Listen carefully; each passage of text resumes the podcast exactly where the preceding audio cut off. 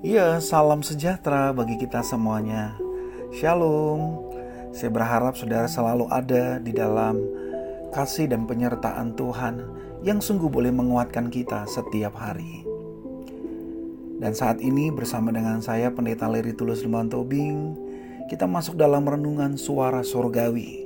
Dan kiranya firman Tuhan yang boleh kita baca dan renungkan sungguh boleh menguatkan kita di dalam menjalani hari ini.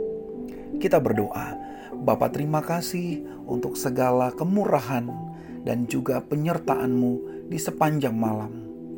Dan biarlah saat ini kembali kami boleh membuka hati untuk kami boleh dituntun dengan firman-Mu yang boleh menguatkan kami di dalam menjalani hari-hari kami. Pimpin kami di dalam roh-Mu. Hanya di dalam nama Tuhan Yesus kami berdoa. Amin. Ya saudara-saudaraku yang dikasih Tuhan, tema yang akan kita renungkan pada saat ini ialah membuka tabir. Kita akan membaca dari Ibrani 10 ayat 20 sampai yang ke-22. Firman Tuhan berkata, "Karena Ia telah membuka jalan yang baru dan yang hidup bagi kita melalui tabir, yaitu dirinya sendiri." Dan kita mempunyai seorang imam besar sebagai kepala rumah Allah. Karena itu marilah kita menghadap Allah dengan hati yang tulus ikhlas dan keyakinan iman yang teguh. Oleh karena hati kita telah dibersihkan dari hati nurani dan tubuh kita telah dibasuh dengan air yang murni. Saudaraku, seorang teolog asal Taiwan bernama Chuan Seng Song dia mengatakan bahwa Yesus adalah jawaban dari krisis dunia yang melanda segala aspek kehidupan, termasuk perbedaan menyolok antara yang kuat dengan yang lemah. Bagi Song, dunia ini terlalu banyak menghadapi penderitaan dan persoalan, dan Yesus membuat keberadaan manusia menjadi hidup.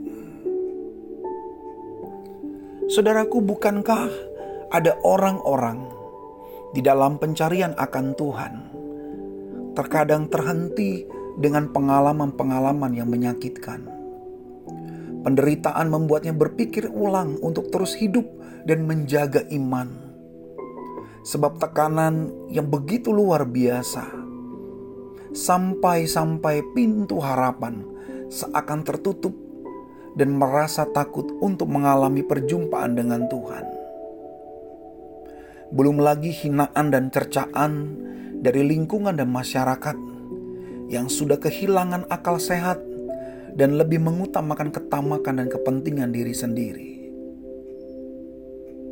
Mari kita melihat cerita dan kesaksian dari orang-orang Ibrani yang telah percaya dan meyakini akan Kristus Walau dalam perantauan, iman harus mendapatkan ujian.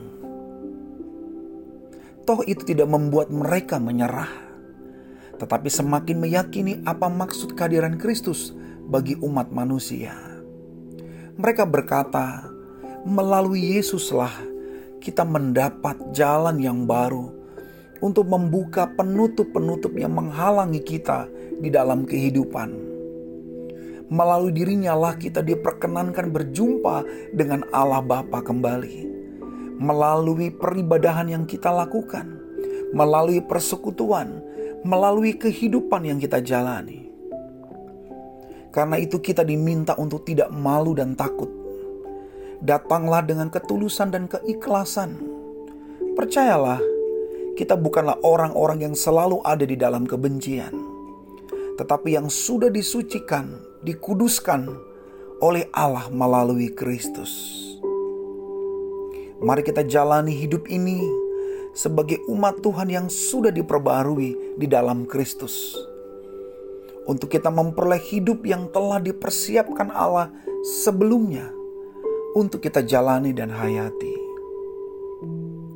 Jika di dalam Kristus segala tabir penghalang telah dibuka, maka tiada satupun yang dapat menghalangi kita untuk memperoleh hidup yang Tuhan sudah karuniakan kepada kita. Tuhan yang penuh kasih dan kemurahan akan terus beserta dan memberkati kita sekarang dan selama-lamanya. Amin.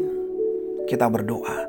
Bapa, terima kasih untuk kebenaran firman-Mu yang sungguh boleh menguatkan kami.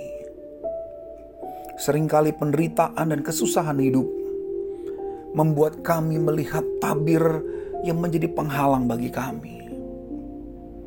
Kami ada di dalam rasa ketakutan. Kami ada di dalam rasa bersalah dan malu. Tapi ketika kami boleh melihat kepada Tuhan Yesus yang sungguh boleh datang menyapa kami, menjumpai kami, memeluk kami, mengangkat kami menjadi pribadi yang berharga. Itulah adalah sebuah hal yang indah bagi kami.